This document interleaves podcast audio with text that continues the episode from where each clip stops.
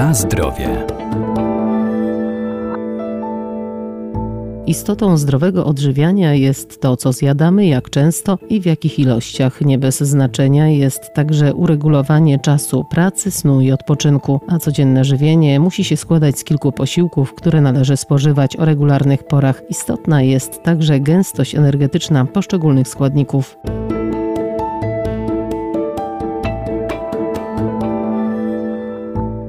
Zdrowy styl życia to także dieta, czyli nasze codzienne odżywianie. Najlepiej żywienie rozłożyć na kilka porcji w ciągu doby i spożywać je regularnie, a przygotowując posiłki, warto zwracać uwagę na ich kaloryczność, o czym informuje tabela na opakowaniu produktów. Jeśli chodzi o dietetykę, to mamy też jedną z bardzo kluczowych elementów, mianowicie gęstość energetyczna. Dietetyk Maciej Pokarowski, Uniwersytet Medyczny w Lublinie. Ta gęstość energetyczna informuje nas o tym, ile tak naprawdę kalorii dany produkt ma na gram. No i najczęściej podawane jest to w 100 gramach. Możemy podzielić produkty na takie o różnej gęstości energetycznej. Będzie to niska gęstość energetyczna, umiarkowana gęstość energetyczna, czy po prostu produkty o wysokiej gęstości. No i różne produkty mają różną kaloryczność. Powiemy konkretnie o produktach, które będą zawierały niską gęstość energetyczną, czyli poniżej 60 kilokalorii na 100 gram. No i im więcej jest takich produktów w diecie, tym oczywiście lepiej, dlatego że zawierają one dodatkowo błonnik, który będzie utrzymywał uczucie sytości na dłużej. No i konkretnie mówimy tutaj oczywiście o owocach i warzywach. Również niektóre zupy, ale zupy niezabielane, będą miały taką niską gęstość energetyczną i niską kaloryczność. Wszelkiego rodzaju napoje, kawa, herbata, produkty typu light czy produkty niskotłuszczowe będą zawierały niską gęstość energetyczną. Kolejne produkty, które mają niską gęstość energetyczną, wcześniej mieliśmy bardzo niską, to są produkty od 60 do 150 kilokalorii. To będą produkty z pełnego ziarna, czyli pełnoziarniste, Będą to chude mięsa, nasiona roślin strączkowych, nabiał i konkretnie jeśli chodzi o warzywa i owoce, to możemy wyróżnić banany, ziemniaki czy bataty, ponieważ one będą zawierały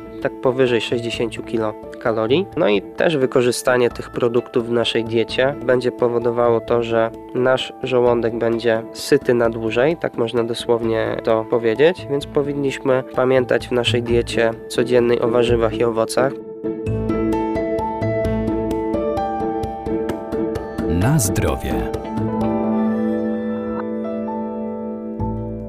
Wśród produktów o umiarkowanej gęstości energetycznej znajdują się m.in. tłuste mięsa i suszone owoce, o wysokiej chipsy czy słodycze. Kolejna rzecz to produkty o umiarkowanej gęstości energetycznej, czyli też powinniśmy spożywać je umiarkowanie. Będzie to zwykły już chleb, czyli nie chleb pełnoziarnisty. Będą to sery różnego rodzaju, tłuste mięsa, suszone owoce, czy jeśli chodzi konkretnie o owoc, na przykład awokado, ponieważ są to już produkty, które zawierają wyższą kalorykę. Konkretnie konkretnie od 160 do nawet 400 kilokalorii. No i jeśli będziemy opierać swoje żywienie o takie produkty, no to niestety może w pewnym odstępie czasu pojawić się problem z nadwagą. No i już jedna z wyższych kategorii, bo od 400 do 900 kilokalorii produkty, czyli te o wysokiej gęstości energetycznej, to mamy już po prostu produkty typu fast food można powiedzieć, czyli wszelkiego rodzaju chipsy. Będą tutaj też e, słodycze, ciastka, też uważane za zdrowe nasiona nasiona i orzechy, między innymi masło orzechowe, majonez i oleje. No i tutaj w kontekście oczywiście orzechów, tak jak one zawierają zdrowe tłuszcze, więc e, powinny się one znajdować w naszej diecie, ale musimy pamiętać, że nie możemy też spożywać ich bez ograniczeń. Podsumowując ten temat gęstości energetycznej, produkty o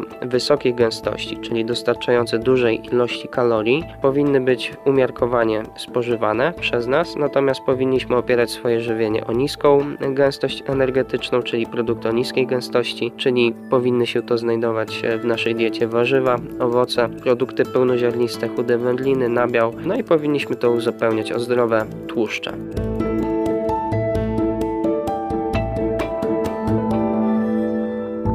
Pamiętajmy też, że zdrowa dieta to nie tylko odpowiednie nawyki żywieniowe, ale także codzienny ruch i aktywność fizyczna, a jeżeli zdecydujemy się na zmianę stylu życia czy odchudzanie, to najlepiej skonsultować się z dietetykiem bądź lekarzem. Na zdrowie.